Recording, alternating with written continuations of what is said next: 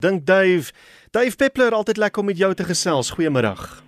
Insgelyk Willem of insgelyks met 'n S. Hallo Marieta en luisteraars. Kom ons val weg met hierdie vraag wat ingestuur is deur Andrei Roo in Kuilsrivier. En hy sê by ons huis het 'n paar vinke hulle nessies gebou. Van die nessies word van tyd tot tyd afgebreek, nie deur die ontevrede wyfies nie, maar deur van die ander mannetjies. Die getal nessies wissel gedurig van tussen 2 en 9 soos die nessies afgebreek en weer herbou word. Het dit iets te doen met die gebiedsafbakening want daar is baie plek vir nessies so beperkte area kan nie 'n rol speel nie. Willem, dit het byna soos altyd te doen met fiksheid. Kyk, ehm um, vinke uh, is normaalweg geel of rooi. Maar net voor die paartyd moet die mannetjies um, staat of plante eet wat beta-karoteen bevat om hulle nog kleur te gee. Met ander woorde, ehm um, mens kan nou 'n parafrase maak en die jong vrouens kyk daarna. Nou sit al die vyfies op 'n ry en kyk eerstens na hoe geel die mannetjie is of hoe gekleurd. Ah, ja, is baie fiks want hy kan genoeg kos eet om homself die intense kleur te gee. Dan ehm um, dit gaan nooit eintlik hier in uh, uh, soos met met hoefdiere byvoorbeeld oor liggaamsgrootte nie, maar oor fiksheid. Nou begin hy bou, die wyfie dink daar is eintlik tegnies niks met die nes verkeerd nie, maar sy sê mm -mm, kom kan nie doen. Jy verstaan, dit is byna soos kers op uh, uh, kers op steek. Ja. Ag, wat met opsit kers, jy uh, verstaan, ja. die die opsit kersse van die neste. En dan sal sy dan miskien uh, skam skam sê sy ja na die vierde nes dit is natuurlik ook dan vir ander mannetjies ehm um, tot hulle voordeel as hulle die nes as hulle 'n buurman se nes kan afbreek, jy verstaan? Hmm. Want dan dan bewys dit ook in 'n mate hulle fiksheid. So ehm um, eintlik gaan dit net oor fiksheid. Die sterkste mannetjie, die een met die beste kleur en die een met uithou vermoë gaan dan 'n wyfie kry. Oh, goed. Willie in Pretoria sê ek wil graag weet wat 'n heuningby maak met 'n varingblaar. Ek was besig om 'n badkamer uit te verf toe ek die verskynsel opmerk. Die by het met die blaar by 'n gat wat in die vensterraam was ingevlieg. Later uitgekom en weer 'n varingblaar gaan pluk. En so het dit vir 'n geruime tyd aangegaan dat die by 'n blaar gaan pluk het en weer by die raam ingegaan het. Baie interessant. Kyk, daar's eintlik twee antwoorde. Die een is dat dat varings, alhoewel hulle vaskulêre plante is, het nie blomme nie. Hulle maak spore. Nou, ehm um, daar is van die varinggroepe wat 'n ehm um, 'n nektar klier het wat baie besoek en ook mure. Nou, waarvoor sê jy nou nektar maak? As jy nie 'n blom het nie want hulle het nie blomme nie hulle het jy weet spoorliggame hmm. en daar word vermoed ek vermoed die mens kan dit sekerlik toets dat hierdie 'n beskermingsmeganisme van die varing is om bye en mure te lok sodat 'n blaarvreter nie aan die varing vreet nie jy weet as jy jou neus in die bos indruk en steek 'n by jou hmm. maar ek vermoed hierdie by uh, stories nie baie bekende. Ek is nie doodseker oor die Afrikaanse nie, maar leafcutterbees. Daar is baie wat hulle nesie maak van stukkies blare. Met ander woorde, hy uh, hoe gelukkig hy sy nie om so 'n fabelagtige diertjie te hê nie. Hou die varing nat uh, sodat die by verder kan pluk. En as jy dan in die gaatjie gaan inloer met sterk lig, gaan jy heel moontlik die nesie binne sien. Hilda is van Brits en sy sê die afgelope winter het ons nog steeds baie vliee en muskiete gehad. Hoe is dit dan moontlik vir hulle om te oorleef in so 'n koue winter soos wat ons gehad het? Ja, dan het ek dit verstaan. Kyk, daar is natuurlik mikroatmosfeer binne die landskap. In jouself uh, wat weet jy na 'n gewone saak se huis kyk in die nag vra rooi kamera dan gloei daai venster soos die son. Jy weet dit die die die hitte ontsnap. Dis netlik hoekom my ouma Lily altyd haar huis toe getrek het. Uh dis ook hier maar ook om die plek warm of koel te hou. Um met ander woorde daar is mikroklimate om en en langs die huis wat sal toelaat dat 'n insek soos 'n vlieg byvoorbeeld aanhou met sy lewensiklus. Dan is daar natuurlik is daar 'n komposhoop naby, is daar 'n bees uh, voerplek waar die opgehoopte mis natuurlik begin ferment, nie fermenteer nie, maar komposteer en dan soorte kan veroorsaak wat die vliee dan kan kan laat deur die winter broei. Ja. Ek ek is nie seker nie, ons moet vra vra, is daar beesplaas naby? Het sy 'n komposhoop? ek sê die gordyne. Ehm um, maar daar is binne die landskap gewoonlik plekke wat warm genoeg bly om 'n klein bevolking vliee te onderhou. Ek het al byvoorbeeld my eie huis gesien, dan gaan sit daar 'n brommer. Ek ontdek hom nou agter 'n gordyn. Maar hy is nie flink soos wat in die somer is nie. Jy kan hom probeer wegwaai met jou hand, maar dit is asof hy traag is. En dan los ek hom daarso, want ek wil sien wat gebeur. En dan sodra dit warmer begin word, asof hy meer energie kry en dan is hy meer sensitief vir beweging om hom. Net so. Kyk, hulle is ehm um, staan bekend as ektoterme. Ons natuurlik uh, as sterweldiere en primate en mense het 'n uh, interne engine wat ons kos nie vergeet nie dat die die die as jy in 'n rustoestand is, genereer een liggaam gemiddeld 'n 100 watt aan aan hitte. Al, al doen jy absoluut niks nie. Hmm. Met ander woorde, as jy 'n vliegtuig het met 400 mense aan boord, het jy 'n helse lot verwarmers aan en dan moet jy die ding koel hou. Um, ek glo my by mos dood. Ek dink aan al daai lywe wat so lank stil sit. Ooh, ja. nou, kom ons los dit liewer.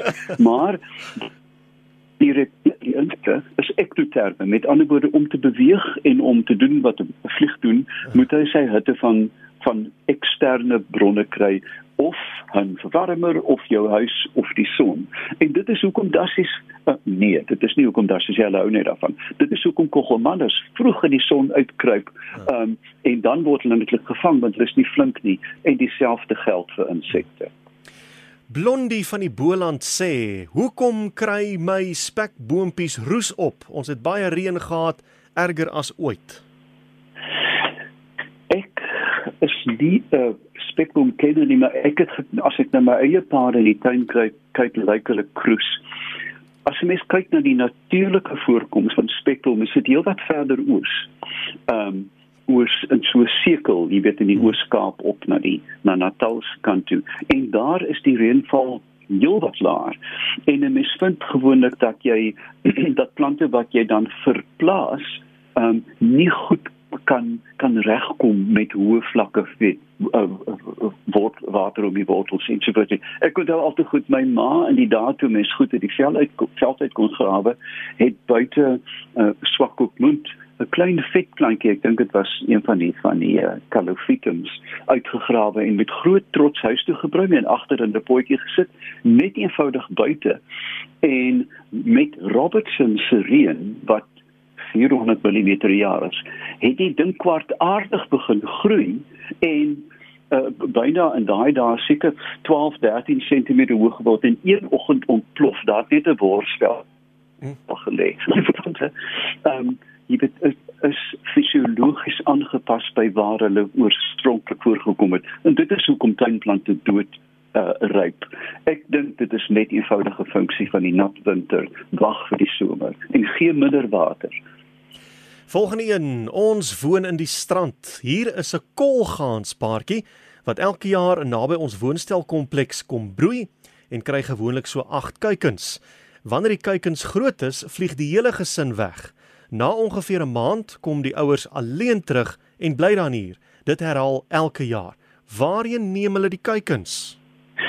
Weet jy, um, daar is um, ek, op YouTube is daar heelwat um uh materiaal oor die kuikens, op die kuikens op die kleintjies wat dan per voet weggeneem word na 'n waterbron in 'n 'n mens sien 'n uh, uh, verslag van verkeer wat stop en 'n ma wat trots ja. oor 'n groot pad stap met 'n 8 of 9 ja. kleintjies. Met ander woorde, indien die seisoen dan 'n goeie seisoen en daar's genoeg om te vreet, sal hulle die die die spulletjie wel beskale kan nie speel nie want kolgaan sit nie melk nie maar verwerp nadat hulle nie meer vir hulle sorg en beskerm nie en dan aanhou broei en as dit 'n werklike pypjaar is, kan tarantale, kolganse, visante tot by die mal broei. Hmm. Wilhelm Bosman vra: Hoe meet 'n mens aanvoelbare temperatuur waar die sogenaamde wind chill factor in ag geneem word? Ooh, genade. Dis 'n tegniese ding wat ek nie uit die vuis vir jou kan sê nie. Um uh, aanvoelbare temperatuur is gewoonlik in die orde van 4 tot 6 grade laer as die ware temperatuur. Ehm um, dit het ek het, ek dink dit het in 'n groot mate ook te doen met humiditeit. Hoe laer die humiditeit word, dink ek hoe groter sal die die die hierdie faktor word. Maar ek sal dit tegnies moet uitpak op my Facebookblad want ek kan nie vir jou uh, die die die die eksakte meting gee nie. Nie nie uit die vuis ja. uit nie. 'n uh, Net terloops Willem en luisteraars, ek het 'n nuwe webwerf gepleeg, uh, duifstepler.com mm -hmm. waar jy ook dan kan vra en stuur en die dinge baie baie vinnig traksie gekry en ek het ja, ek het binne 4 dae 30000 besoekers gehad. Ehm um, so jy gaan nou van, na dese baie meer hê, hoor? Ja, maar dit is ook uitskeldbriewe, ek moet oppas. ja. Maar dit is interessant uit hierdie aanvoelbare temperatuur werk seker ook andersom. Ek dink aan 'n plek soos Pietermaritzburg waar hulle sê 30 grade, dan is dit nou 'n bedompige dag, dan voel dit baie warmer as 30 grade.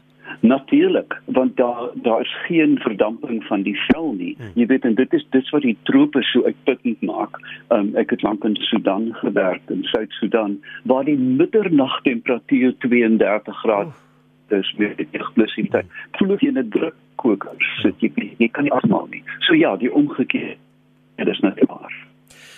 Hier is een wat sê ons het gereis tussen Orpenhek en Laar Sabie in Desember 2018. Daar was 'n hittegolf van ongeveer 5 dae.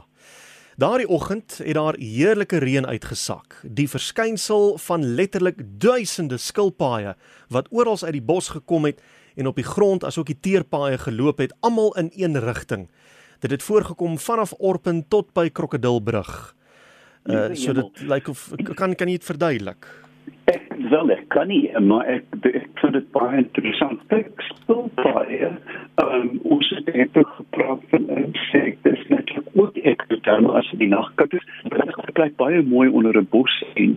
En dit is tradisioneel, hulle het 'n baie goeie, hulle weet presies waar die plek is na dag gesonder um onder 'n spesifieke bos of 'n of 'n oorhang van 'n klip en en mense wat skilpaaie in die tuin aanhou sit vestig.